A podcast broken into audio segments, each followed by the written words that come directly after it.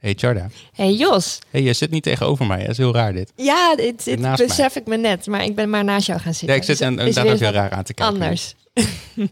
Hey, ehm, heb jij een huis? Nee, ik heb wel een droom om ooit een huis te kunnen kopen. Ja, dat kan ik me wel voorstellen. Ik heb toevallig een huis, maar dat komt ook omdat ik al toen ik 22 was, ben ingestapt in de huizenmarkt. En Een beetje... Maar je hebt er niet één. Nee, maar één heb ik nog over. Want toen had ik zeg maar eh, een huis in 2008. Ja. En toen klapte de huizenmarkt in elkaar.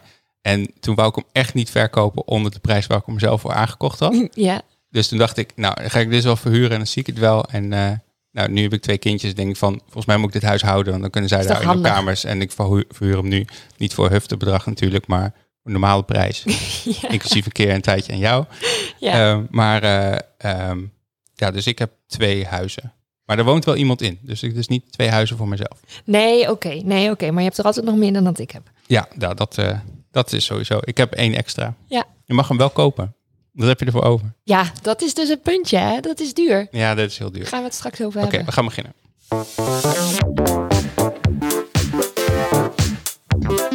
Welkom bij 20 voor 12, de podcast over tech, media en andere gemakkelijke of ongemakkelijke onderwerpen. We praten met vrienden van de show die ergens misschien wel iets vanaf weten. Speciaal voor Groningers en daarbuiten ook internationaal beschikbaar via het interweb. Dit zijn je hosts Joshua Peper en Tjada Polderman. Ja, en we zijn zoals altijd niet weer eh, met z'n tweetjes, maar we zijn eh, met twee gasten. We hebben hier aan tafel Ellen van Acht en Roland van der Schaaf. Eh, we beginnen even met jou, Ellen, want de dames gaan voor. Ehm, jij hebt een heel erg bouwen achtergrond, Ja, volgens klopt. mij. En je komt niet uit het noorden van het land, dat had ik al een beetje gehoord toen je hier binnenkwam. Eh, want jij hebt eh, HTS bouwkunde gedaan in Sertogenbos. Ja. Of zeg je Den Bosch? In een bos. Den Bosch. Oeteldonk. nog beter. Is dat als het carnaval is? Ja. Dat moeten we nog steeds een keer meemaken, hè? Ja, het klopt. Daar zijn Ja. we nog nooit echt geweest. Nee, nog nooit echt echt. Ehm, en eh, eh, toen heb je architectuur gestudeerd in eh, Tilburg. Ja. En hoe ben je dan in Assen terechtgekomen? Ja, de liefde. De liefde. Ja. Ja. Henk. Nee? Nee? Nou, natuurlijk, nee, natuurlijk is Henk de liefde. Maar toen ik kwam eh, was er een andere liefde. Ah, Eh, dus ik heb eerst een... eh, ik woon inmiddels al, denk ik, 22, bijna 23 jaar in, eh, in eh, Groningen eerst. En daarna in Assen. Ehm, en eh, ja, mijn zachte G, die ga ik gewoon niet verliezen. nee, moet je ook niet doen. Nee, dat, dat, dat hoort erbij. Ja, dat zou zonde zijn. En ehm, eh, je woont soms ook in Amsterdam? Eh, ja, nou, we hebben eh, een kantoor in Amsterdam. Oh ja, dan is het wel logisch dat je daar dan ook uh, Ja, want we hebben een, bedrijf, reis. een ja. bedrijf wat in eh, heel Nederland eh, gevestigd is. Dus Ja, want jij bent van de Zings Retail. Um, en voor de mensen die dat niet weten, Scapino en zo hoort er ook allemaal bij. Ja. En dat run jij ook voor het grootste deel? Of nee, alles, nee, nee. Of? Wij, we hebben gewoon hele goede directies op uh, Zinks Ah, en uh, schoenen en op, uh, op uh, Scapino. En um, ik doe vooral, vooral zeg maar um, het deel van vastgoed. Ja. Uh, want uh, ja, winkels heb, heeft ook heel veel te maken met vastgoed. En natuurlijk ook webshops hebben te maken met, uh, met vastgoed. Ja. Dus um, dat deel, daar ben ik helemaal verantwoordelijk voor. Gaaf. Leuk. Ja. Cool, hè? Ja, heel cool. dat en, jij was, jij was meest duurzame bouwvrouw van Nederland in 2014. Wat is dat voor verhaal dan? ja, dat, um, eigenlijk was het natuurlijk in 2014 was een hele andere tijd en een hele andere markt dan nu. We kwamen toen net uit de crisis. En um, iedereen wist wel dat we moesten verduurzamen. Maar omdat de hele ja, woningmarkt en bouwmarkt eigenlijk stil lag, gebeurde dat uh, nauwelijks. Mm -hmm. En um, ik heb hier in Groningen, uh, ben ik een hele lange periode directeur-bestuurder van Cube geweest. Ja. En um, met Cube hebben wij samen met KAW trouwens, zijn wij toen heel hard gaan trekken aan het verduurzamen van, uh, van woningen en het bouwen van energie-neutrale woningen. En ik kan me herinneren dat we volgens mij uh, zonwonen, een paddenpoel, eigenlijk het eerste nul op de meter project was van woningen in de stad Groningen. Dus vandaar de titel meest duurzame bouwvrouw van nee, Nederland? Nee, het kwam niet daarvan. Wij hebben uh, een start-up ge opgericht. En dat heet de Rijmarkt. Dat is een winkel waar je duurzaam wonen kan kopen. En dat, waardoor je het eigenlijk heel gemakkelijk maakt voor consumenten om je woning te verduurzamen. Dus er wordt heel vaak vanuit de bouw gedacht van... Uh, dat mensen een warmtepomp moeten en, en zonnepanelen. Mensen denken van, oh god, wat moet ik dat allemaal doen? En wij zeiden eigenlijk van, uh, je kunt gewoon zeggen... Eh, wat voor woning heb je? Eh, hoeveel geld heb je? Of eh, hoeveel energierekening, hoe hoog is je energierekening, hoeveel wil je besparen? En daar echt kant-en-klare pakketten voor leveren. Zodat je feitelijk, dat was toen ook een beetje het idee, verduurzamen verkoopt zoals je schoenen verkoopt. Dat klinkt echt als jouw winkel, Jos. Ja, nou, ik heb dat allemaal al, hè, warmtepomp en eh, dat hele spul. Alleen Ja. ik kan niet genoeg opwekken om het allemaal te compenseren. Want dat is, eh, ik krijg nul op de meter. Dat lukt echt nooit. Nee. Maar eh, Ik ben ook wel heel kritisch hoor op, eh, op verduurzamen en eh, ehm, eh, hoe we daar allemaal mee omgaan. Soms is het ook een soort cult.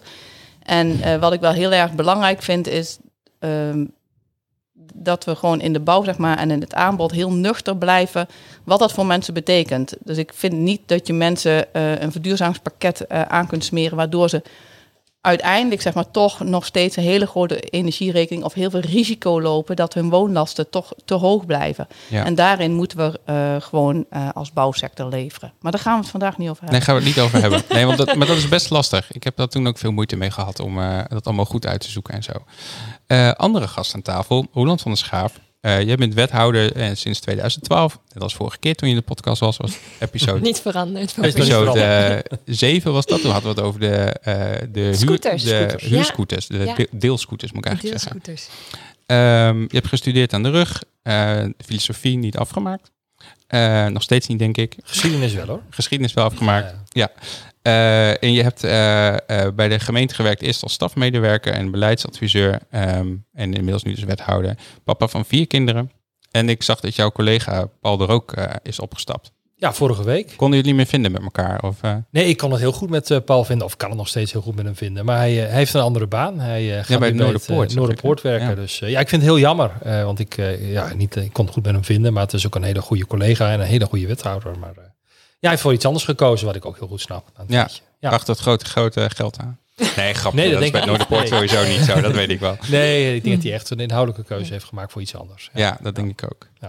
Oké, ehm Tjarda, Ja. we gaan het hebben over de huizenmarkt. Wij hebben het daar vaak over, weet We je hebben het al een paar keer over gehad. Ja. En we dachten van, nou, dit eh, daar gaan we, daar moeten we even een keer een beetje onderzoek in doen. En dan, dan eh, komt hier wel een leuke aflevering over. En het, het wordt En toen werd het groter en groter en meer en meer en meer. En dan blijkt dat er zeg maar in de jaren tachtig al iets is fout gegaan. Waardoor dit nu helemaal zeg maar nu zo helemaal eh, eh, uitwerkt tot wat we nu staan. Ja, Dus je hebt er aardig in eh, Ik, verdiept. ik heb een beetje erin verdiept. Ik ga niet alles voorlezen van wat ik op internet gevonden heb, want we zitten hier over twee weken nog.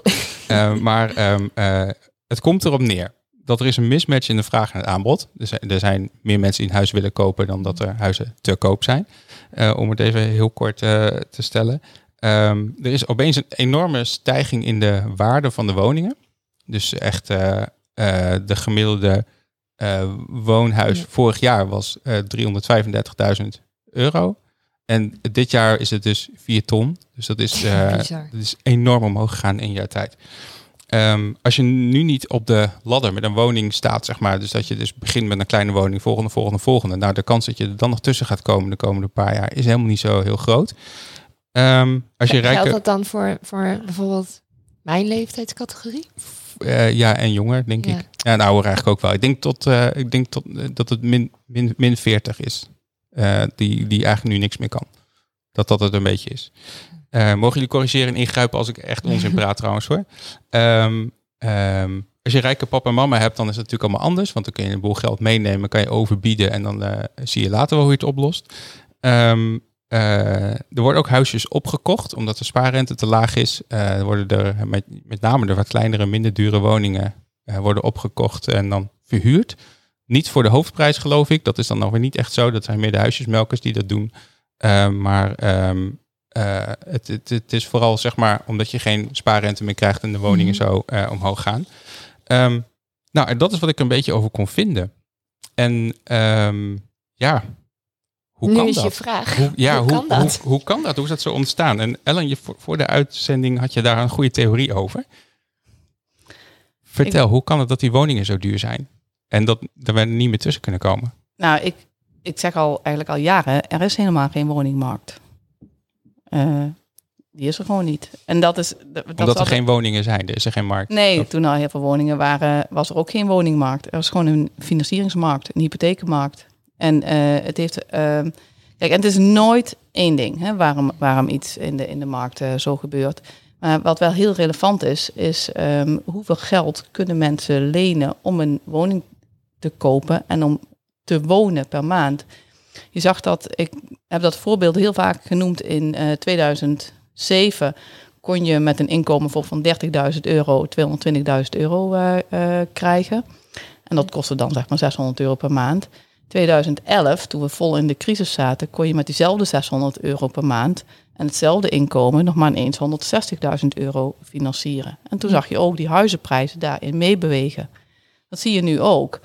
Eh, we kunnen weer vol lenen op twee inkomens. Ehm, de AFM heeft eh, voor de helft mag het weer eh, aflossingsvrij. Wat we toch echt de afgelopen jaren allemaal heel ik erg dacht dat we een regel hadden dat dat niet meer mocht. Maar, Dus ja. maar dan mag je, het enige regel is dan trouwens dat je geen hypotheekrenteaftrek meer mag. Hè? En de ja, hypotheekrente is toch niet zo hoog, dus zoveel maakt het nou ook weer niet uit. ja. Ge- geld is heel goedkoop. Ja. En ehm, eh, de financieringsmarkt markt bepaalt voor een heel groot deel ook eh, onze, onze woningmarkt. Maar ik ben het ook absoluut mee eens dat we nu een ongelooflijk tekort hebben. En het tekort is ook, ja, wat komt er vrij? Hoe, eh, er komen steeds meer alleengaande. Dus andere woningtypes worden gevraagd. Dus het, de- Ja, vooral hier in de regio. In Groningen is dat eh, ja, echt dus een ding. Ja. Het is natuurlijk een, een, een heel complex spel waar, waar ve- heel veel aan de orde is. En daarom is zeg maar mijn stelling van we hebben geen woningmarkt, alleen een Ja. een financieringsmarkt ook iets te, te bot. Maar ik zeg het wel eens om gewoon even eh, heel duidelijk te maken van eh, je moet echt naar veel meer kijken. Ja, oké, Roeland. Ja, en ik ben, ik het voor, een heel groot deel wat eh, Ellen zegt helemaal eens. Ik ga een paar dingen aan toevoegen. Ik, ik, ik, ik ben het inderdaad eens, er is een groot tekort. Er is de afgelopen jaren echt veel te weinig eh, gebouwd eigenlijk in Nederland. Ehm, je ziet het nu weer een beetje toenemen, maar we hebben heel, heel lang gedacht van nou, het, het kan wel minder. Plus dat er ook een, eh, een beleid gevoerd is, waardoor ehm, nou, allerlei, voor allerlei partijen ingewikkelder werd om te bouwen. En dat zie je de afgelopen jaren ehm, eh, weer wat herstellen.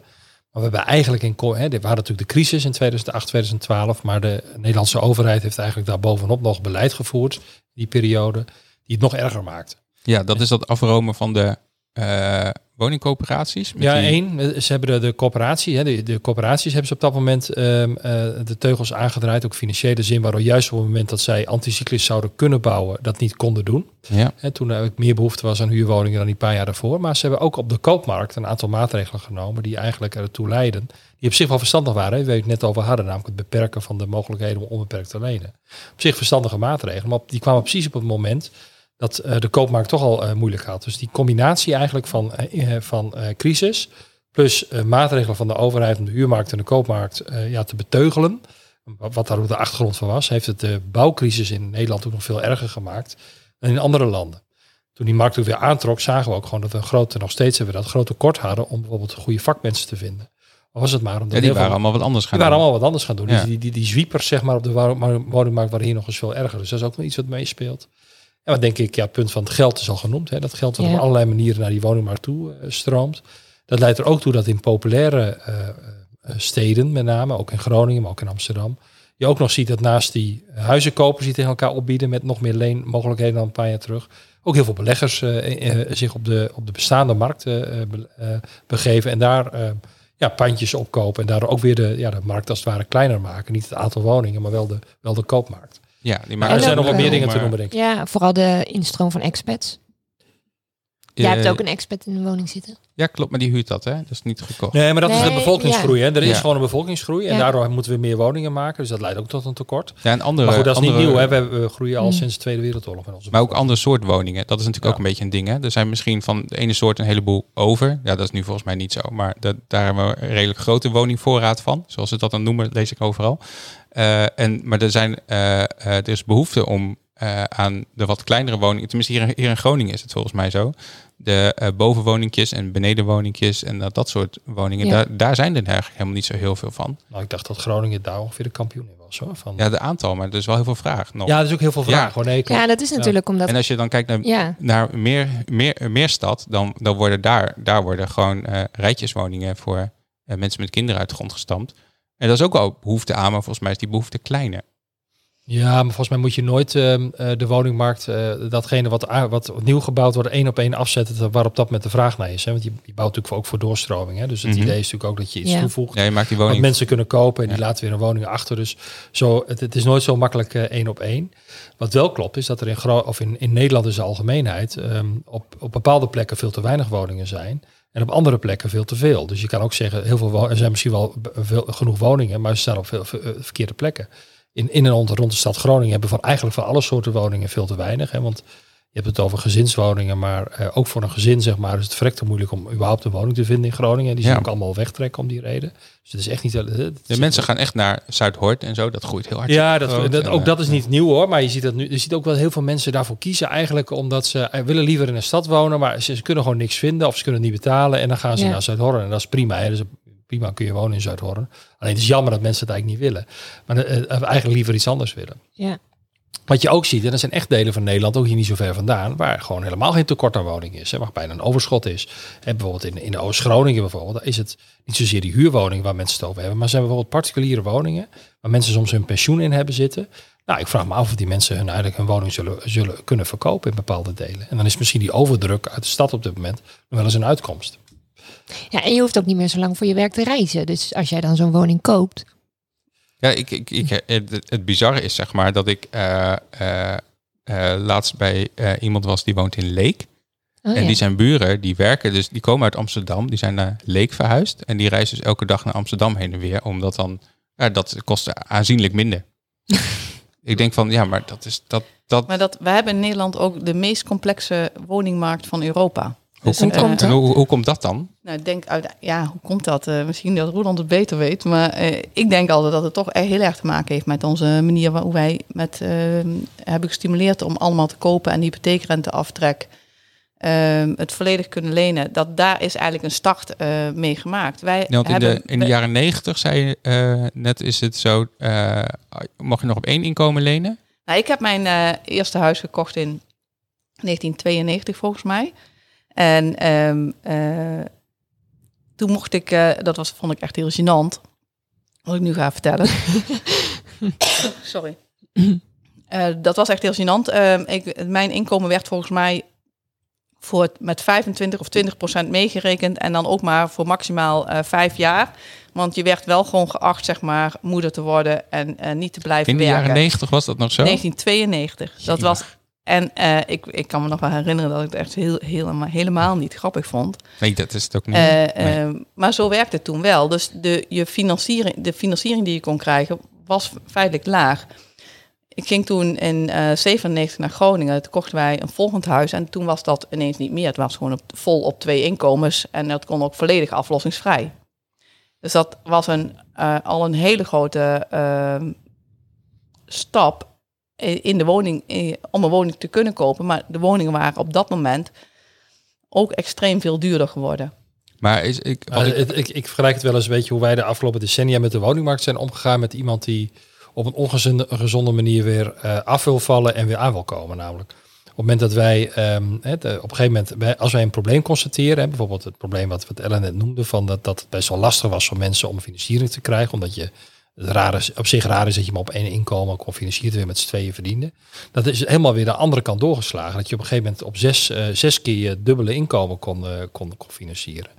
En op een gegeven moment zijn we daar weer, hè, bijvoorbeeld wat ik net noemde, in 2012 eh, kwamen we erachter, ja, dat was allemaal wat te gorter gaan. Dan hebben we gelijk die aflossingsvrije hypotheek weer helemaal aan banden gelegd, waardoor weer helemaal omlaag ging. En nu zitten we weer in een andere, maar, een soort yo-yo-effect op de woningmarkt. We doen hetzelfde met de woningbouwcoöperatie, we doen hetzelfde met ons bouwbeleid. En de ene moment eh, worden overal massaal gebouwd, allemaal gebieden aangewezen in de Finex-periode. Oh, ja. Nou, de jaren daarna hebben wij gezegd, Nederland is af en we moeten alleen nog maar bouwen in de bestaande stad. En nu schiet het weer de andere kant op. In plaats van nou een beetje, af en toe een beetje rustig blijven en zeggen, wat er nou fundamenteel aan de hand met die woningmarkt en verstandige maatregelen nemen. Die echt die markt weer, of ja, zover die bestaat inderdaad, gezonder maken. Ja, dan, dat is beter. Maar we, we schieten echt heel erg van hoe, heen. hoe komt dat dan? Dat we dat niet eventjes... Ieder, iedere vier jaar een nieuw kabinet. Ja, ja. Ja, maar het is niet uniek voor Nederland natuurlijk. Hè. Dat Nee. we het hebben, maar, maar het, klopt. Het is, eh, ja, ik, denk ook, ik denk ook dat. eh, Kijk, we hebben ook, we hebben het ook. inge- Ik bedoel, eh, het is ook. Het is hier lastiger misschien dan andere landen, want wij gewoon een. eh, we hebben- we zijn een dichtbevolkt land. En dus ruimtelijke ordening is hier gewoon heel ingewikkeld. Je moet over elke post zeggen, moet je nadenken, anders kom je met elkaar in de knoei. Je hebt hier niet grote gebieden die je zomaar even vrij kan geven. Nederland is een populair land, de bevolking groeit. Dus de mensen blijven hier wonen. Komen veel mensen van buiten hier naartoe. eh, eh, eh, dus de bevolking groeit ook nog relatief hard. Dan is het ook nog zo dat met name in die steden... dat we erin geslaagd zijn om eigenlijk een hele hoge leefkwaliteit te garanderen... voor heel veel groepen. Waardoor die steden ook voor iedereen aantrekkelijk blijven. Dus iedereen wil er ook graag wonen. Ja. Dus hebben we elkaar op, om goede reden ook moeilijk gemaakt. Dus het is hier ook moeilijker een goede woningmarkt voeren. Maar ja, we zouden toch wel iets meer... Ja, en ik vind ook eerder gezegd dat ja, de afgelopen jaren ook... Ja, nu is wonen weer een hot issue. Maar we hebben jarenlang was het gewoon een, een onderwerp wat in Den Haag... eh, we hebben een minister gehad die, de- die er trots op was dat hij het ministerie had afgeschaft. Ik bedoel, dat, Ja, dat gaat niet alleen om die minister hoor, van. maar Dat minister Blok Ja, maar maar hij was- Wonen, die, eh, die zei van het hoeft niet meer. Nee, maar en, en nu wil ik niet Blok overal de schuld van geven. Dat gebeurt al vaak genoeg. Maar die man deed het ook gewoon. Maar het was gewoon een, een kabinet notabene van VVD en PvdA die dat hebben geregeld. Hè. Dus het was Ja. breed in, de, in Den Haag was er overtuiging. Wonen is eigenlijk geen issue meer. Daar hoeven we niet Dus meer over na nee. te denken. Dat is af. Nou, we hebben hier de gevolgen, eh, Ja. merken we nu dagelijks. klopt dus het is helemaal. natuurlijk ook weer helemaal hot topic, omdat je kan de krant niet openslaan. Of er staat Ja. wel weer een verhaal in van een jong eh, stel dat eh, een brandweerwagen aan het ombouwen is. Om Ja. vervolgens dat als camper te gebruiken, omdat ze het geld niet in hun huis kunnen Nee, en krijgen. het is ook hè, die intergenerationele, moeilijk woord, maar ge- ongelijkheid tussen generaties, die we natuurlijk op heel veel thema's natuurlijk zien als het om pensioenen gaat, maar ook om klimaat. Hè. Maar bij, op, bij wonen zie je het ook heel sterk. Je ziet echt een groot verschil tussen een 40 min, hè, je noemde net een 40 plus. Natuurlijk maakt het, hè, als je rijke ouders hebt en je hebt goede inkomens, ga je het echt wel redden op de woningmarkt. Maar voor hele grote Ja. groepen is het eh, heel onzeker. Ja. En dat, ik vind dat ook eigenlijk, ja, ik vind dat echt eigenlijk schandalig hoe dat gaat. Terwijl in de, in de grondwet is opgenomen dat eh, eh, de overheid moet zorgen dat iedereen een dak boven zijn hoofd heeft en een huis heeft. Ja, nou, op, over het algemeen doen we dat in Nederland nog wel redelijk goed, vind ik. Hè. Ik bedoel, het is niet zo dat de mensen hier Ja, want dat, hoeven te slapen, dat is dus maar- ook heel, heel iets apart. We moeten dus 330.000 woningen bijbouwen. Want dat is het aantal wat we missen. Maar waar wonen die mensen nu dan? Die wonen voor- thuis. Die wonen gewoon bij ouders die wonen, en je ziet ook steeds meer ehm, eh, vrienden of mensen die niet een relatie hebben met elkaar wel een woning bewonen. Ja, of dat zie je vooral in Amsterdam en heel veel volgens Dus, mij. Met z'n vier in een eh, huis. eh, hier ook. Dat, Ja. dat, dat, ja. dat zie je overal. En eh, mensen eh, blijven langer thuis wonen. Maar wat ik ook een heel gevaar vind, een groot gevaar vind, is dat ehm, er veel meer verschil hierdoor komt tussen arm en rijk. En ik denk dat dat gewoon, het is op lange termijn, sowieso vind ik dat slecht. Maar op lange termijn is dat ook voor je economie gewoon heel slecht. Dus wij zullen echt aan de moeten nadenken hoe wij ook weer aan de onderkant zeg maar woningen kunnen toevoegen en mensen kunnen laten wonen en ook vermogen kunnen laten opbouwen om daar ook in de toekomst ehm, ja het dak op boven de hoofd, het hoofd, eh, je eerste recht eh, Mhm. om te wonen gewoon Ja. veilig te stellen. Nou, daar zullen we echt beleid op moeten maken. En dat is heel lastig. Hè? Van wat kun je dan doen? Hè? Je, je hoort eh, dat gemeentes proberen bij nieuwbouwwoningen dat het per se eigen bewoning is. Of dat ze echt langdurig eh, grip op de huurprijzen proberen te houden als het beleggers eh, zijn. Ik denk ook dat corporaties gewoon weer vol eh, gestimuleerd moeten worden om, en mogen worden om eh, woningen toe te voegen aan de woningmarkt. Dat kunnen ze heel goed. Ze zijn, een, zijn professionele partijen. Ehm, ik denk dat we de corporaties ook echt, echt missen eh, in, de, in de stad en in het hele ommeland. Want die, in- wat ik, ik las Ze dus doen wat ze mogen. Hè? Dus Ja. ik, is geen, eh, ik ga het absoluut. ze, ze, maar ze zouden, we ze zouden raken heel veel geld kwijt door die, door die heffingen die ze de hele tijd krijgen, toch? Ja, ik geloof, als je uitrekent, ehm ehm, 2 op de 12, hè, dus 1 op de 6 eh, euro, zeg maar. Dus twee maandhuren van die je betaalt als huurder van een coöperatie gaat naar de vuurheffing gemiddeld. Ja. Ja, dat is wel een vrij hoge belasting eigenlijk, als je het zo bekijkt. Het is eigenlijk toen eh, die verhuurdersverheffing is ook gekomen omdat men een gelijk speelveld wilde voor de corporaties. Want er was toen ook wel wat in de sle- slechte tijd gemor eh, dat eh, corporaties eigenlijk alles konden en marktpartijen niet. ja, en dat de Dus directeur van Vestia in een Maserati helpt naar ook niet. kosten van de zaak dat, rondreden, dat helpt was ook niet de voor, nee. Nee. Maar het is wel, ehm, als je het nou hebt van hoe komt het, wat je net vroeg, uh, Ja. Tjada, ieder via, via een nieuw kabinet. Maar we ge- kunnen ook, hebben ook wel de neiging om heel erg met media-hype mee te gaan. Ehm, eh, er rijdt een corporatiedirecteur in een Maserati en nou, daar, kon je, eh, daar kun je een boel nieuwsartikelen over vinden. Ja. ja, ik dacht echt van, nou, dit was echt een ding Nou, toen blijkbaar. nou, dat dat was is- een, en terecht op zich, en- maar en- de hele coöperatiesector is daarop afgerekend. Ja. is En dat is niet bizar, terecht. hè? het was maar één. Nou, dat en, en, dat, en dan Dat kun je over de, over de rente eh, swaps, ook- swipes of hoe het toen ook heette, ook nog heel veel. eh, eh, kun je ook nog over uitweiden, zeg maar, hoe terecht het was dat iemand eh, eh, neergesabeld eh, werd. Hij, Maar dat het de- hij is toen ook eh, opgesloten voor drie Maar het gedrag wat, wat hij vertoonde was zeker niet goed. Dat Nee. laat ik ook niet goed praten. Mij gaat het er veel meer om. is dat dan een reden of is, eh, hoeveel invloed heeft dat zeg maar om in de politiek dan toch een statement te willen maken, waardoor wij dus heel snel eh, iedere vier jaar weer ander beleid hebben en daardoor geen langdurig beleid en dat is Mhm. gewoon uiteindelijk niet goed voor onze woningmarkt en onze economie. Nou, want Daar ooit, gaat want het ooit om. ging het heel goed, hè? Dus in, in de jaren 50, toen de coöperaties zijn opgezet, geloof ik, eh, die hebben eigenlijk na de Tweede Wereldoorlog ons hele land een beetje opgebouwd. En toen eh, raakte het een beetje van het padje af in de jaren 80. En toen Ja. zijn ze gaan privatiseren en toen ging het volgens mij mis. Ja, dat is een beetje... Het, het, voor mij, Nou, nou, dat heel kort samenvatten, Ja, de bocht. kijk, de corporaties hebben inderdaad in de jaren, zijn al ouder hè, trouwens, zijn al meer dan 100 jaar oud. Maar goed, ze hebben in de jaren 50 inderdaad, klopt. In de wederopbouw hebben ze ontzettend veel, veel betekend voor Nederland, om het Nederland snel weer op te bouwen. Je ziet die wijken nog steeds. Maar ze Heel kunnen veel- dat dus wel. Ja hoor, en, eh, en ook de gemeente speelde toen een belangrijke rol in de rij. Het was toen met z'n allen de schouders eronder. Hè. Ja. Om, Ja. Toen was de woningnood echt nog veel hoger dan nu, hè, na de Mhm. oorlog. Ja, ja, ja. dat- En dat heeft ook wel wat problemen opgeleverd. Hè. Die wijken zijn allemaal wat eenzijdig geworden. En, en daar hebben we later ook wat aan moeten doen. Maar toch is het een hele bijzondere beweging wat daar gebeurd is. Ja, je kunt eigenlijk zeggen wanneer het misgegaan is. Maar ook in de periode voor de Maserati zeg maar, gebeurden er best wel heel aardige dingen. Ook met de corporatie, ook in Groningen. Want heel goed met ze kunnen samenwerken. Alleen, eh, ja, eh, wat ik ook wel denk, ik, ik, noemde net het punt al van hè, de, belangstelling in Den Haag voor het thema wonen was er gewoon niet. En die corporaties hadden veel geld hè, op een gegeven moment. Dat was niet omdat ze eh, te veel geld eh, over hadden, maar omdat zij ook profiteren van, het, eh, van, van de vastgoed, stijging van de vastgoedwaarde dus vanaf midden jaren 90 tot pakweg 2008. En dus die corporaties werden eigenlijk rijker zonder dat ze er iets voor hoefden te doen. ja, net zoals alle En de andere woningbezitters, Ja. zij dus ook. Ja. En op dat moment was er gewoon heel veel geld bij die corporaties. En daar keek Den Haag eh, verlekkerd naar. En, dus hebben zo, en, en er kwam zo'n Vestia-directeur natuurlijk mooi uit. Want dat was een mooie titel om het geld er vandaan te halen. Zo plat was het. Maar waar, waarom doen ze dan niet om, een- om, Ja. om de eh, geld in die woningen te stoppen dan? Want daar zijn ze toch voor?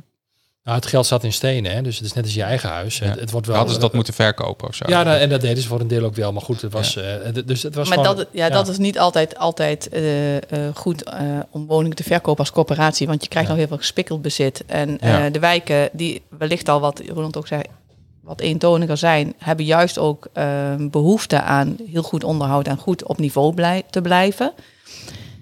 Ehm, ja, ik denk dat, dat corporaties gewoon weer heel erg goed kunnen gaan eh, eh, de, de taak die ze eigenlijk hadden en ook heel goed deden, eh, gewoon kunnen uitvoeren. En bij hun zat het geld dus vast in de woningen. En dan, dan is de vraag, in hoeverre eh, is je beleid van eh, we romen de corporaties af? Of is je beleid, we zorgen dat de corporaties dat met dat geld wel kunnen En ontwikkelen? dat ze gaan doen wat ze ermee hadden Ja, moeten doen. We hebben een enorme opgave op de woningmarkt. Hè. We moeten eh, veel meer bijbouwen, hebben we het net over gehad. We hebben een verduurzamingsopgave.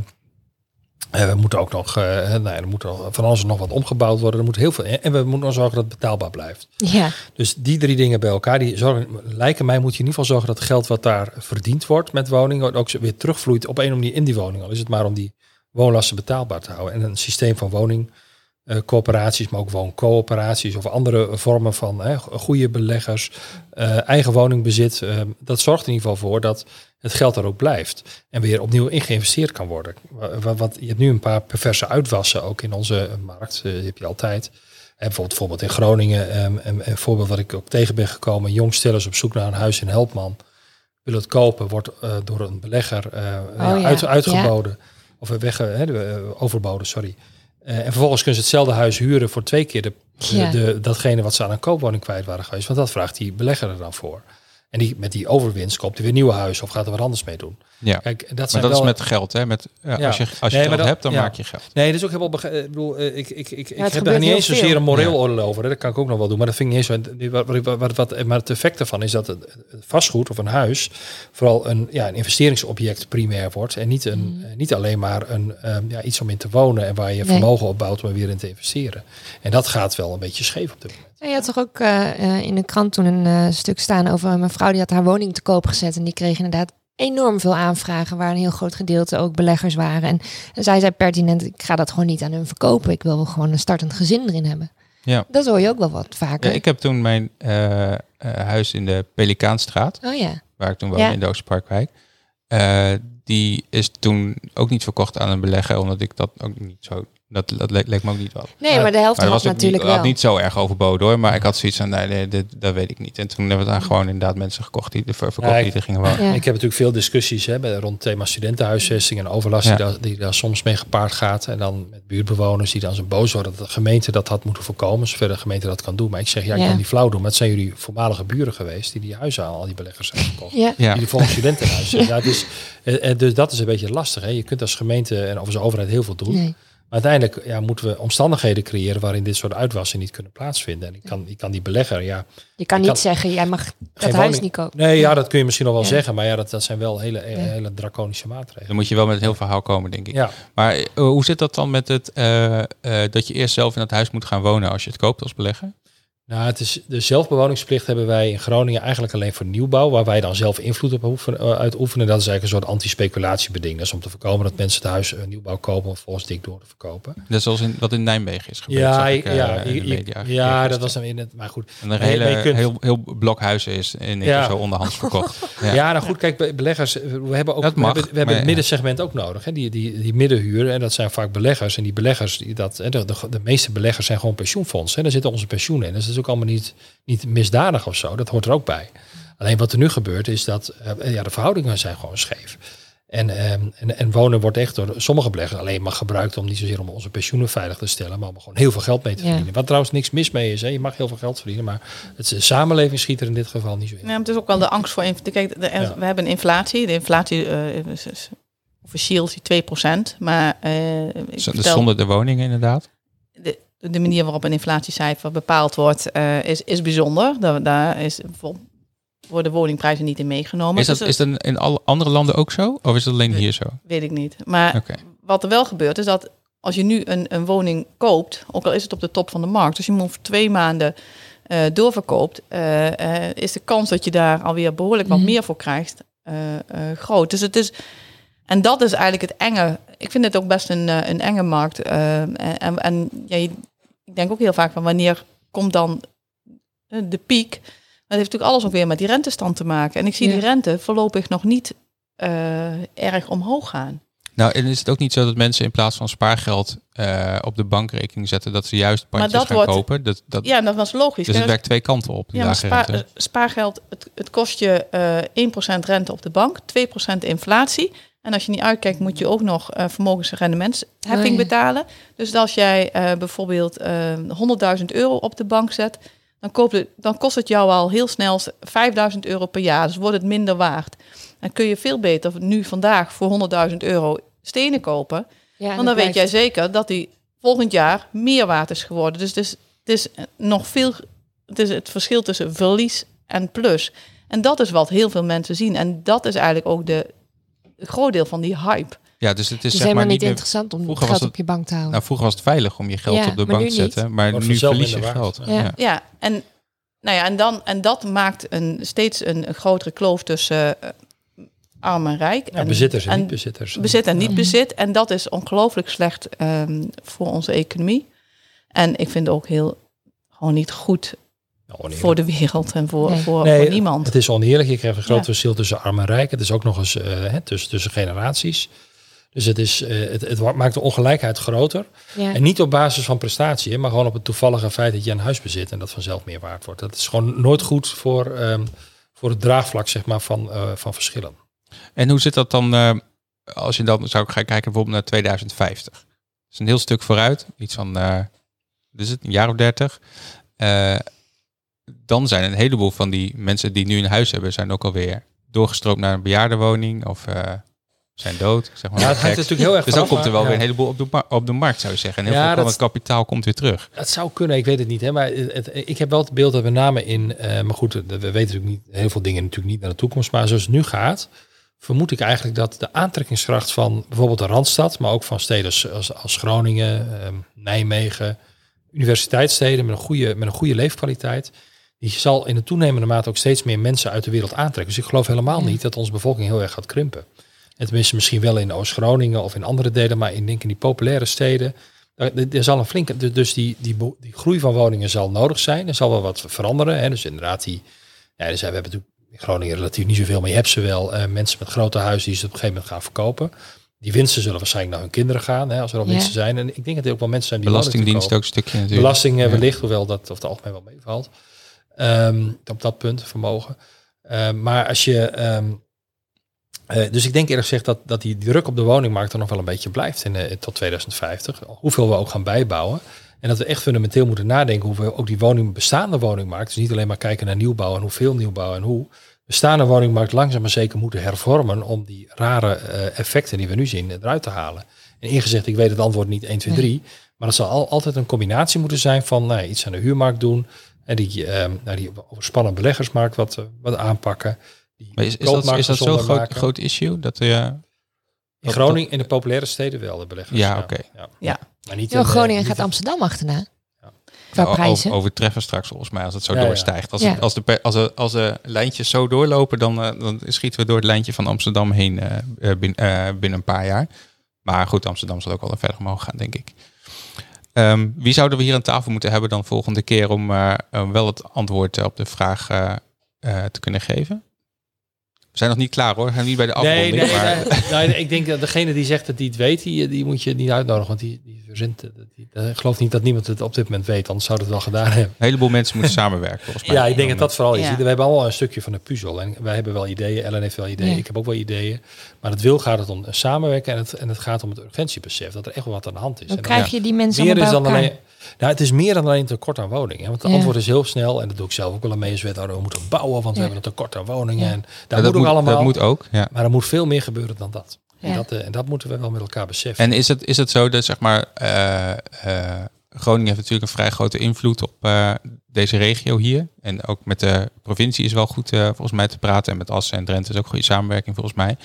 Ehm, maar is het zo dat het Rijk nog dingen kan doen die hier in de regio het een stuk beter zouden maken? Ja, ik denk dat wel de sleutel uiteindelijk wel bij het Rijk ligt. En we zijn wel een eh, centraal georganiseerd land. Dus alles op het gebied van regelgeving, wat wij als eh, gemeentes nodig zouden hebben om dingen te verbeteren, dat begint wel in Den Haag. En wat, wat, voor, wat voor regels eh, zou je graag willen Of hebben? regels of minder regels. Maar nou ja, in ieder geval zullen we de- Minder de- regels. de- ja, sommige punten eh, denk ik dat. De belofte was toch eh, van dit kabinet en eh, eh, van de heer Rutte dat er veel minder regels zouden komen. En En volgens mij heeft dat ook al een heeft keer, hij een zich gezegd. daar eh, eh, absoluut niet aan gehouden. Andere regels is denk ik. Het is, het is ongelooflijk complex en in Nederland om, om wat, eh, wat te realiseren. Ja, want En- want ehm, we hebben bijvoorbeeld eh, al dat land tussen eh Hoogkerk en Groningen. Hè? Dat, daar ligt zo'n een heel stuk achter de suiker, Suikerunie. suikerunie terrein, zeg maar.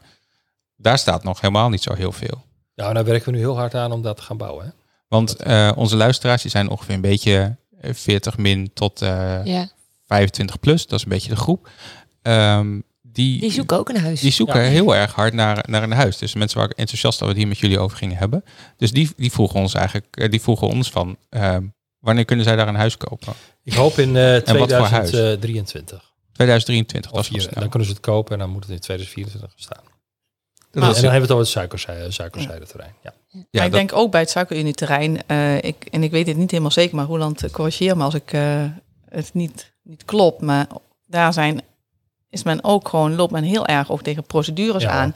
Hm. Met eh, heel veel milieuclubs en eh, al, iedereen vindt daar wat van. En nou, dat is in Nederland zo geregeld dat dat ook mag. Mhm. Ja. Maar dat heeft ongelooflijk veel invloed op eh, het moment dat je kunt starten met de bouw. Dus als je het hebt over eh, hoe kunnen we samenwerken, ja, dat, dat is, een, dat is een, een complex verhaal. En eigenlijk ja, moet je met meerdere partijen, zowel ontwikkelaars als bouwers, als overheid, maar ook ehm, als milieuclubs en omwonenden, met elkaar eh, zeggen, we gaan dit gewoon doen. Nou, en Ja, dan moet iemand die kar... eh, Nou, als je het suikerterrein eh, voorbeeld noemt, dan hebben we echt, eh, ik durf wel te stellen, misschien wel de, de beste, de, echt al- alle, de beste mensen die we konden krijgen eh, opgezet om de, het tempo te maken. We hebben drie jaar geleden gezegd, daar gaan we veel sneller bouwen dan we aanvankelijk dachten. Mhm. Het gaat eigenlijk nog relatief goed. Hè. We, hebben, we hebben echt, nou, als je ziet wat je, nou, even een voorbeeld te noemen hoe ingewikkeld het is. Het bestemmingsplan, alles wat erbij komt, eh, wat we net hebben vastgesteld in de gemeenteraad. Nou, we zijn maar liefst 7500 pagina's tekst eh, geproduceerd door onze mensen.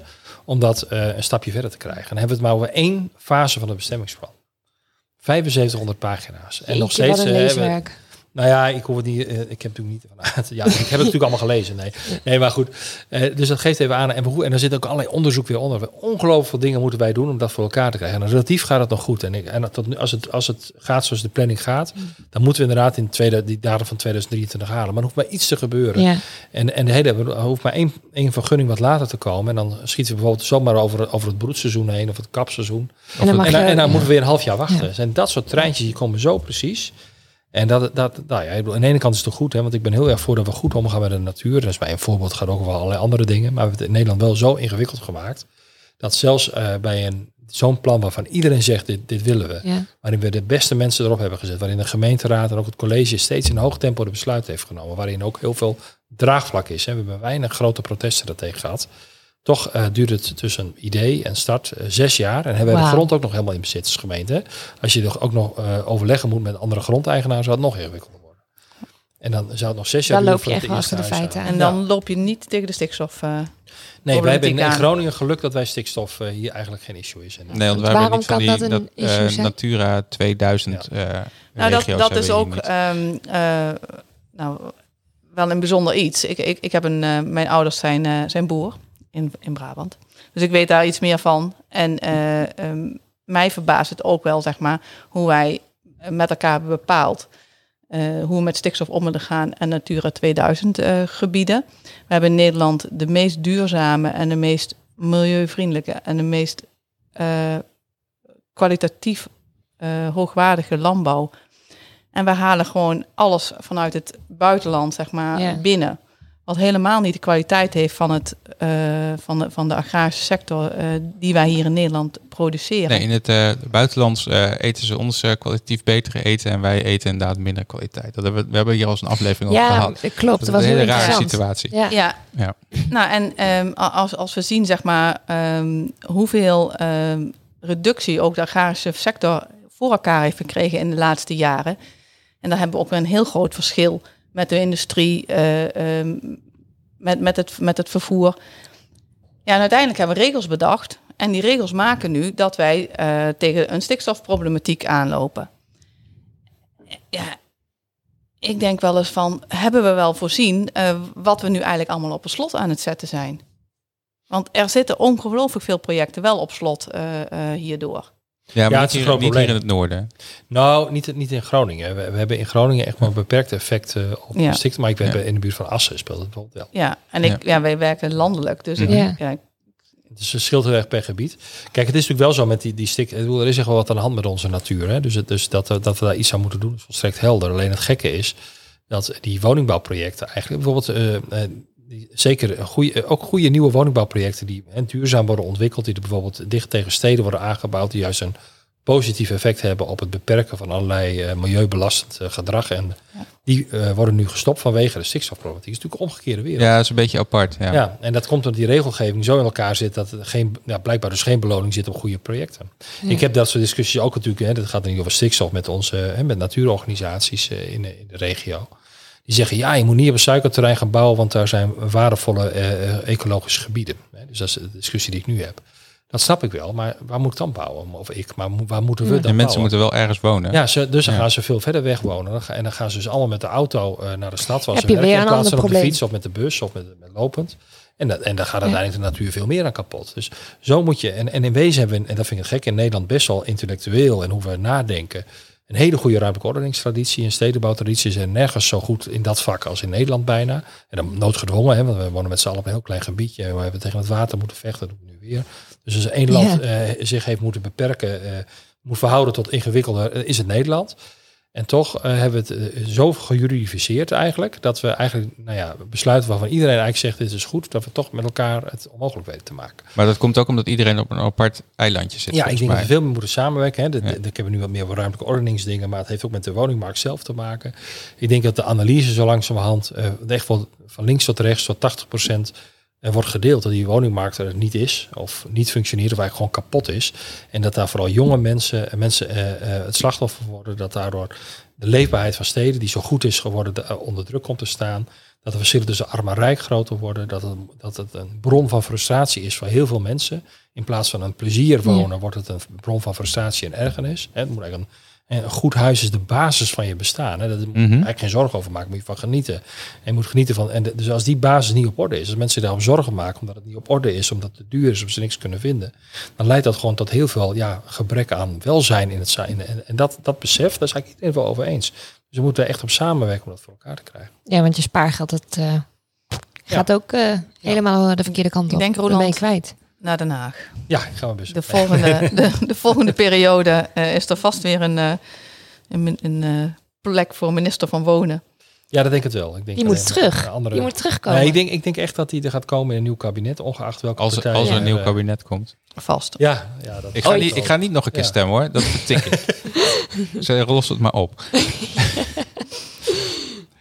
Oké, ik, ik vind het een mooi verhaal. Ik, ehm, eh, ik, vind het, ik, ik vraag me nog wel een beetje af, zeg maar, eh, eh, die woningen die dan op het suikerunieterrein eh worden gebouwd, die zijn dan in 2023, 2024 klaar. Hoeveel zijn dat er dan? En, en hoeveel mensen krijgen dan de kans om zo'n huis te kopen? En wat, wat kost dat dan ongeveer? Dat is een goede vraag. Kijk, in, in dat- totaal kunnen op een suikerterrein ongeveer 5000 woningen. Alleen dan gaan we, wel, dat gaan we niet van de een op de andere dag bouwen. Dat lukt gewoon niet. Nee, dat snap ik.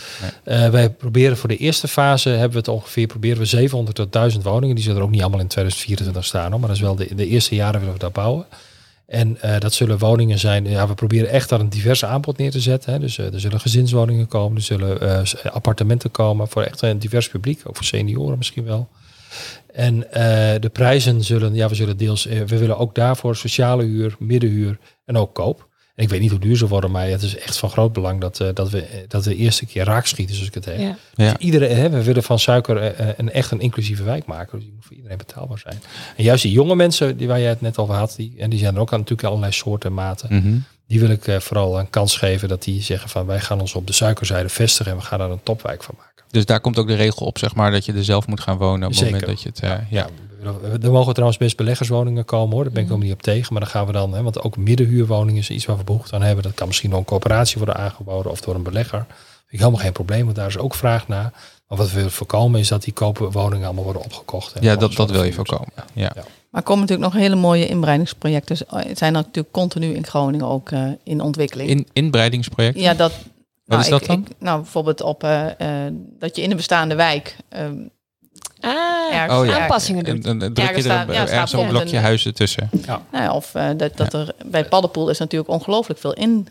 inbreidingsprojecten Ja. zijn Er daar, zijn er hebben een paar grote torens terechtgekomen. Als je nu op Ja. het Groningen Forum gaat staan, Ja. dan zie je, zie je een verzameling woontorens en dat is Paddenpoel. Ah. Ja. Ja. Ja, ik, ligt Paddenpoel. laat ik Dus daar is natuurlijk ook echt ruimte ja. om, eh, om behoorlijk wat woningen toe te voegen. Dus, eh, en ik denk dat dat op meer plekken in de stad is. En dat zijn natuurlijk ook opgaves, ook van Assen. Kijk, Assen is natuurlijk, eh in Groningen wil in de regel denk ik niet in Assen wonen. Maar het is hartstikke goed wonen daar. Dus ik zou zeggen van eh, zeker allemaal naar Assen komen. Jij kan het weten. Ja, maar in Assen eh, zijn ongelooflijk veel inbreidingsplekken. En als we die nou eigenlijk allemaal heel snel vastpakken, want er zijn vaak, ehm, is dat al bestemd in visies tot wonen. Ja, er is al een weg, er is al eh, stroom, Alles is er. alles is daar. Ehm, ja. Dus het is gewoon een kwestie van eh, de schouders eronder.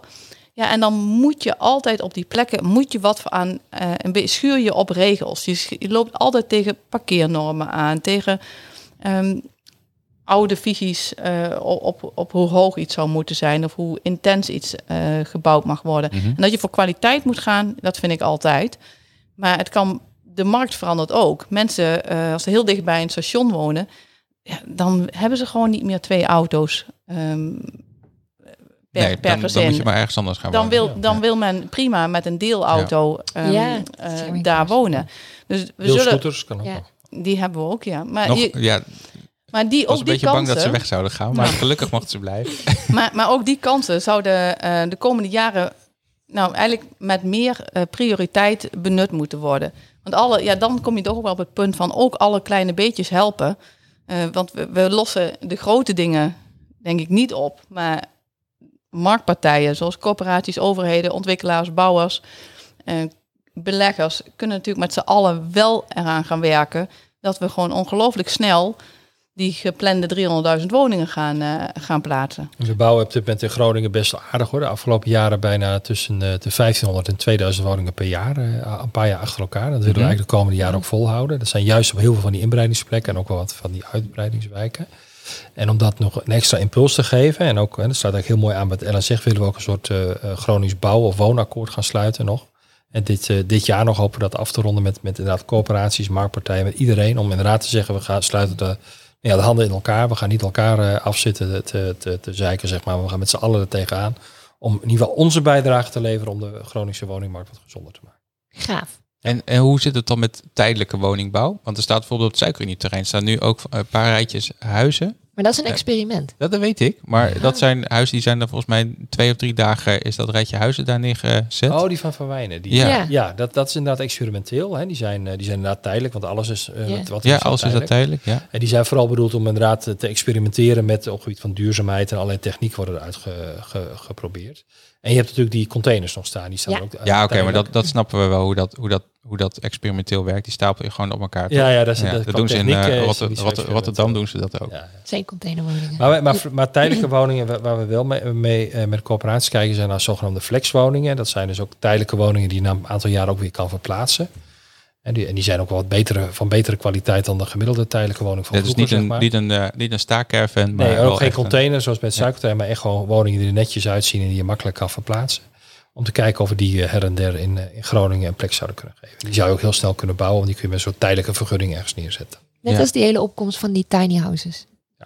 Ja, maar tiny houses, dat, dat, dat zijn er niet zoveel. Nee, Nou, we zijn er nu iets van twintig aan het bouwen Ja. bij, of wij niet, maar die worden gebouwd op het Westpark.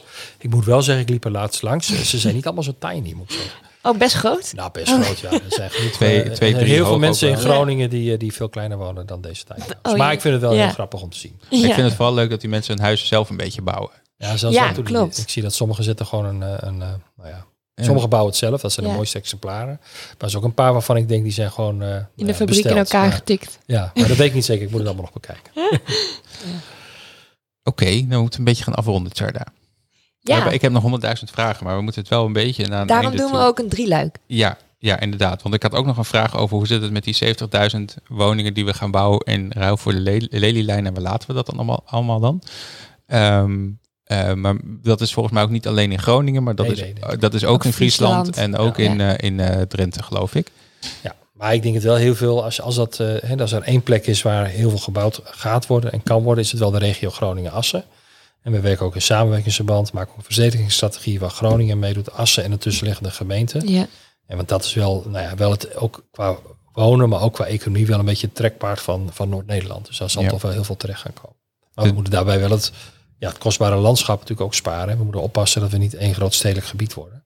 Dus dat we die mooie, eh, ja, mooie natuur die we daar, eh, in dat gebied hebben ook weten te bewaren. Zoals de Ja. lan- weilandjes in Pijzen, Bijvoorbeeld. zeggen wij altijd. Ja. Maar goed, daarom is dus eh, eh, verdichten en intens, intensief bouwen, denk ik wel gewoon een Ja. belangrijke opgave. Oké. Heb jij nog een eh, goede vraag, Tjarda? Ik heb er echt nog heel veel, maar dat... eh, Maar ook die je nu nog wil stellen en dan een antwoord op Voor wil nu krijgen? eh, niet. Want we moeten ook nog even naar de column van Matthijs luisteren. hè? Ik heb hem erin gezet. Ja, ik, eh, ik zag het. even kijken voordat ik op het verkeerde druk. Ja, hij staat gewoon op het normale knopje. Knap, hè? Welke eigenaardige gewoonte heeft u? Eigenaardige gewoonte. Waarom denkt u dat bananen krom zijn? Krom. En wanneer voelde u zich voor het laatst buitengesloten? Buitengesloten. Dit is de 20 voor 12 Babbelbox. Babbelbox. En deze week gaat de 20 voor 12 Babbelbox over principes. In aflevering 15 van het eerste seizoen van 20 voor 12, je weet wel, die over seks, huidhonger en technologie, had ik een luisteraarsvraag over het feminisme. Hoe kan ik als witte, heteroseksuele, cisgender man uit een welvarend land een goede feminist zijn? Want dat vind ik eerlijk gezegd nogal wat lastig. Dat was mijn vraag. En een echt bevredigend antwoord, see what I did there, kreeg ik niet van de gasten. Het kwam erop neer dat dat ook heel lastig is, maar dat ik gezien mijn vocabulaire al aardig op weg was. Mijn tussen aanhalingstekens feminisme uit zich in hele kleine dingen. Zo maak ik altijd een opmerking als er bij een evenement 30 man aanwezig was. Geen vrouwen? Wat saai ja. En verder kruis ik op elk formulier waar mijn geslacht wordt gevraagd, zeg ik liever niet aan. Zoals ik zeg, het zijn hele kleine dingetjes. Mijn grootste wapenfeit de cause waar ik zelf het lekkerst op ga, is mijn vrouwelijke kant embracen. Of hoe ik het tegen een collega-columnist verwoordde toen hij vroeg waarom ik eigenlijk een roze notitieboekje heb. Ik probeer de kleur roze terug te veroveren van die wijven. Ik heb roze laarzen om door de modder te banjeren. Een verzameling roze Nikes. En in dat eerder genoemde roze notitieboekje schrijf ik met een roze glitterpotlood. Sinds kort heb ik bij mijn vriendin ook een roze tandenborstel. Zij heeft de blauwe. Eigenlijk wilde ik de roze, maar ja, ik heb mijn feministisch vriendje, zei ze met een zielig stemmetje. Met een pruillip op haar gezicht drukt ze een sliertje tandpasta op haar blauwe tandenborstel. Ik kijk naar mijn nieuwe roze tandenborstel. En ook al bedoelde ze het ergens als grapje, toch voel ik me schuldig. Want ergens wil ik de kleur roze terugwinnen voor de mannen. Maar daarbij wil ik de vrouw aan zich niks ontzeggen. Zeker niet degene die ik lief heb. Dat hebben andere witte heteroseksuele cisgender mannen uit welvarende landen al genoeg gedaan de afgelopen decennia. Waar denk je aan? vraagt ze. Blijkbaar was ik even in gedachten verzonken. Ik denk dat ik net een column heb geschreven. Antwoord ik met een glimlach. Ze gniffelt en zegt... Want dit is de 20 voor 12 babbelbox. En de 20 voor 12 babbelbox vraagt zich af... Wanneer stonden uw principes u in de weg?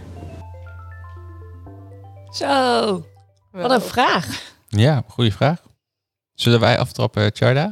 En dan de gasten? Wanneer stonden jouw principes je in de weg? Eh, dat was vandaag nog. Toen eh, wou ik per se mijn e-mailadres ergens niet achterlaten eh, in ruil voor een white, whitepaper op een website. Dat was heel principieel. Want je weet ook dat je dan ik weet wat ze met die data doen, Ja. dus dat, eh, daar had ik geen zin in. dus dat, eh, dat is niet heel ernstig, hè? Staat dan een principe in de weg? Nou, ik wou in principe mijn data Ja. niet delen. Voor iets waarvan ik helemaal niet weet wat ik dan krijg. Ik heb daar niet zo heel veel last van. Jij doet dat gewoon. Nou nee, ik download geen whitepapers. dat, dat is één. Ik was eigenlijk aan het spioneren bij iemand anders. Dus daarom moest ik eh Ah. gegevens achterlaten. En dan wou ik natuurlijk niet mijn Dat eigen gebeurt, gegevens ja, achterlaten. ja, nee, dat gebeurt vaak. Maar wat, eh, wat heb jij eh, voor principe wat je in de weg stond? Ja, dat weet ik niet zo 1, 2, 3. Heel eerlijk hoor. Ik sta er ook niet heel erg bij stil. Hmm. Ellen? Ik, ik dacht, eh, kun je eerst Roeland even vragen? Dan kan ik nog net even iets aan nadenken. Hoe lang ben jij heel eh, principieel? Nee, nee, ik ben niet iemand die heel principieel is. eh, ehm, ik ben altijd wel vrij. ehm, ja, ik denk altijd principes zijn eh, iets waar je als allerlaatste ehm, op, op, op moet terugvallen als je er op een andere manier niet uitkomt, zeg maar. Dus, Ja. maar ze zitten wel eens in de weg, gevoelsmatig dan, zeg maar. Dan ben ik, ben ik er op zich wel. eh, kijk, ik heb kinderen, dus dan eh, met opvoeden kom je dat wel eens tegen. Dat Ah, je Oh ja, dan ja, krijg je veel ja, ja. principes. heel erg ja. je. Nee. Maar je hebt dan ideeën over de opvoeding, zo, zo moet het eigenlijk. Maar dan, soms dan denk je van ja, ik, als ik nu volhoud, dan wordt hij of zij zo eh, teleurgesteld of boos. Of, Daar heb ik ook Dus geen dan zin heb in. ik er zet je niet voor hem over. aan de kant. ja. en dan zet ik ze aan Ja. de kant. Ja, Ja. En dat is misschien ook wel een goed principe dat je dat doet. dat je de, je beweegt mee. En je bent Ja, ja, ja, ja. ja. Nou, af en toe is het Ja. eh, strijd ook niet waard. Misschien dat dat het... Nee, eh, nee, en- en dan merk ik wel eens, en ik, en ik merk wel eens, soms dan hou ik ook vast aan die principes, maar dan krijg ik uiteindelijk altijd een hekel aan mezelf. Dus ik ben zelf koppig en denk van, waarom doe je dat nou? Een chagrijnige man. Ja, daarom. Ellen. Nou heb je genoeg Ja, tijd gehad, nou, toch? Ja, nou, ik heb wel daar heel lang het principe gehad eh, dat ik het niet uit vind maken of iemand, eh, eh, of een man of vrouw is. En eh, je hebt heel vaak, je- ik vind dat het feminisme is even wat, best wel weer wat actueler. Mhm. En eh, er zijn heel veel vrouwen die echt heel erg bezig zijn met vrouwen moeten de markt ook ja, Ja. pakken. En dat heb je in de bouw natuurlijk ook veel. Terwijl ik nooit het gevoel heb, als ik aan, een ta- in, aan tafel zit in een, in een vergadering... en dat je mij achteraf vraagt van hoeveel mannen en hoeveel vrouwen waren daar... dan weet ik dat dus niet. Want Je bent er niet mee bezig. ik heb me nog nooit zeg maar anders gevoeld of eh, eh, aangevallen gevoeld of, of minder gevoeld eh, in, in welke setting dan ook. Mhm. En toch, dus mijn principe was eigenlijk eh, dat, Ja. dat ik vind dat dat echt altijd gelijk is. En toch ben ik de laatste jaren door heel veel vriendinnen ook wel een beetje over dit principe heen gestapt. Want ik zie soms wel dat het in, eh, bij anderen ehm, wel een item is. Ja. Ja, En wat dat betreft denk ik wel zeg maar, dat we toch allemaal wel een voorbeeldfunctie hebben voor ook weer de jongere generatie. Er is echt geen verschil of je nou een jongen of een meisje bent in wat je gaat doen en welke dromen je na eh, leeft. Ik denk dat er ehm, absoluut gelijke kansen voor iedereen zijn. En dat moet je ook zelf voelen. En ik vind wel dat ik daar een rol in heb om dat ook duidelijk te maken. Van dat dat ook echt zo is. Nou, daar hebben, of dat principe ben ik dus eigenlijk heen gestapt. Oké. Dat is Snap mooi. je? Ja, ja, Ja, ik dat snap is hem. mooi. Ja. Anna voelt heel knullig dat ik er geen één heb. Nou, kijk, wij hebben ook wel principes dat we eh, in principe eh, ons best doen om evenveel vrouwelijke gasten als mannelijke gasten gemiddeld gezien te hebben. En Maar dat is ook heel iets waar vaak we de we laatste tijd mee bezig zijn. ja, maar dat is ook wel heel vaak zo, zeg maar, dat dat ook heel, dat dat helemaal niet moeilijk gaat. Als je Nee. even in je netwerk kijkt van nou, wie wil je nou aan tafel hebben, nou, Ja. dan, dan, dan is, dat, is dat zo voor elkaar. Ja. Maar dat, ja, dat gaat er gewoon echt helemaal Ja. niet moeilijk. Nee, dat is gewoon- helemaal niet zo moeilijk. Dus eh, als je er Maar even soms een beetje het- aandacht voor hebt, dan... eh, Ja, maar soms, het is ook niet goed als je, eh, ik zeg altijd een excuustruus aan tafel. eh, nee, dat moet je ook... Nee, maar dat, dat, is, dat is ander uiterste. Er- er Dat zijn, er wel, niet beter. Ik weet bijvoorbeeld in de politiek bijvoorbeeld. Bij ons is het altijd best, hè, weet ik, elk jaar speelt het weer bij. We proberen nieuwe mensen te vinden voor de Ja. Tweede Kamer of voor de gemeenteraad. En dan is het echt wel een thema. Dus er solliciteren echt veel minder vrouwen dan mannen voor Ja. dat soort functies. Ja, dat... ja. En dan heb je dus, eh, dan, dan kun je nog steeds wel uiteindelijk voor een 50-50 resultaat gaan. Hè, maar het, ja, de keuze is wel minder. Dus, het is, dus daar zit nog wel een. Dus die, Ja, want je- die voorbeelden zijn, hè, die van, Ja. eh, zijn wel heel belangrijk. Ja. Laat zien dat het, Maar, dat, Maar dat- uiteindelijk kies je iemand vanwege vaardigheid en expertise en ervaring. Niet per se of het nou... Nou, maar het is wel, zeg maar, het zit wel in je comfortzone. Wij hadden bijvoorbeeld Ja. bij, bij Cube hadden wij werkten, zeg maar, eigenlijk voor een bouw, voor een eh, bouw vastgoed gerelateerde eh, eh, team, heel veel vrouwen. Ja. En dan denk ik dat dat heel erg te maken heeft met het feit nou, dat ik dat hele verschil niet zie. Dus ja. je, het zit ook een beetje in van. misschien voelt het comfortabeler soms om in je straatje te blijven. Nou, Ja. wat dat betreft is het natuurlijk wel heel belangrijk dat je af en toe even uit de comfortzone Ja, stapt. en het ik moet wel voor heel alle jongetjes en meisjes gewoon Ja. duidelijk zijn dat je alles kan worden wat je maar wil. ja. En daar heb je wat voorbeeldfuncties voor nodig, volgens mij. Wat ik wel heel grappig vind, want maandag begint mijn eerste collega. Ja? En, eh, maar ik heb alleen maar vrouwelijke sollicitanten over de vloer gehad. ja, dat vind ik ook wel Dat, apart. vond ik, ja. dat zat ik vandaag over na te denken. maar ik dan zit, mag jij- ik zit jij dan mag in de keer- ICT en ik heb dat dus bijna nooit. Nee. Dat is bijna nooit Maar dan mag jij zeg maar een keer in een advertentie zetten bij gelijke geschiktheid kies ik voor de man. Ah, ja, slim. Die ga ik onthouden. Die was, die was van vroeger, hè? Dus, eh, dat- nu, nu, nu kan je dat niet meer in een, in een advertentie zetten. Maar dat was, een Dat is wel dikke hele goede marketing. Met een dikke Dan krijg je wel media-aandacht als je dat gaat doen. Nou ja, maar misschien is maar we, gaan, we Oh ja, moeten afsluiten Ja. nu. Want we zijn Want- al eh, weer een uur aan, het- aan, het, eh, aan het kletsen. En eh, eh, ik moet ook nog eh, dit uploaden Ja. en zo. Ja, en eh, als er eh, gekozen wordt, zeg maar, eh, waar mensen willen gaan wonen of er verduurzaamd wordt in een woning, dan besluit voor 80% de vrouw. Dus het is ook heel belangrijk dat de bouw- en vastgoedwereld Elke man weet toch wat dat meer feminine eh, wordt. En eh, dat er natuurlijk veel meer vrouwen op goede posities komen. Dan gaan we denk ik ook wat sneller en harder om dit eh, hele woningprobleem op te lossen. En met andere woorden, het is weer, het is weer Ik de dacht dat schuld het van niks de man. uitmaakte, maar Oké, nou, Ik denk, ik gooi je maar nog even in. op die noot, ik druk op het knopje en dan zijn we klaar. ja. En tot de volgende keer.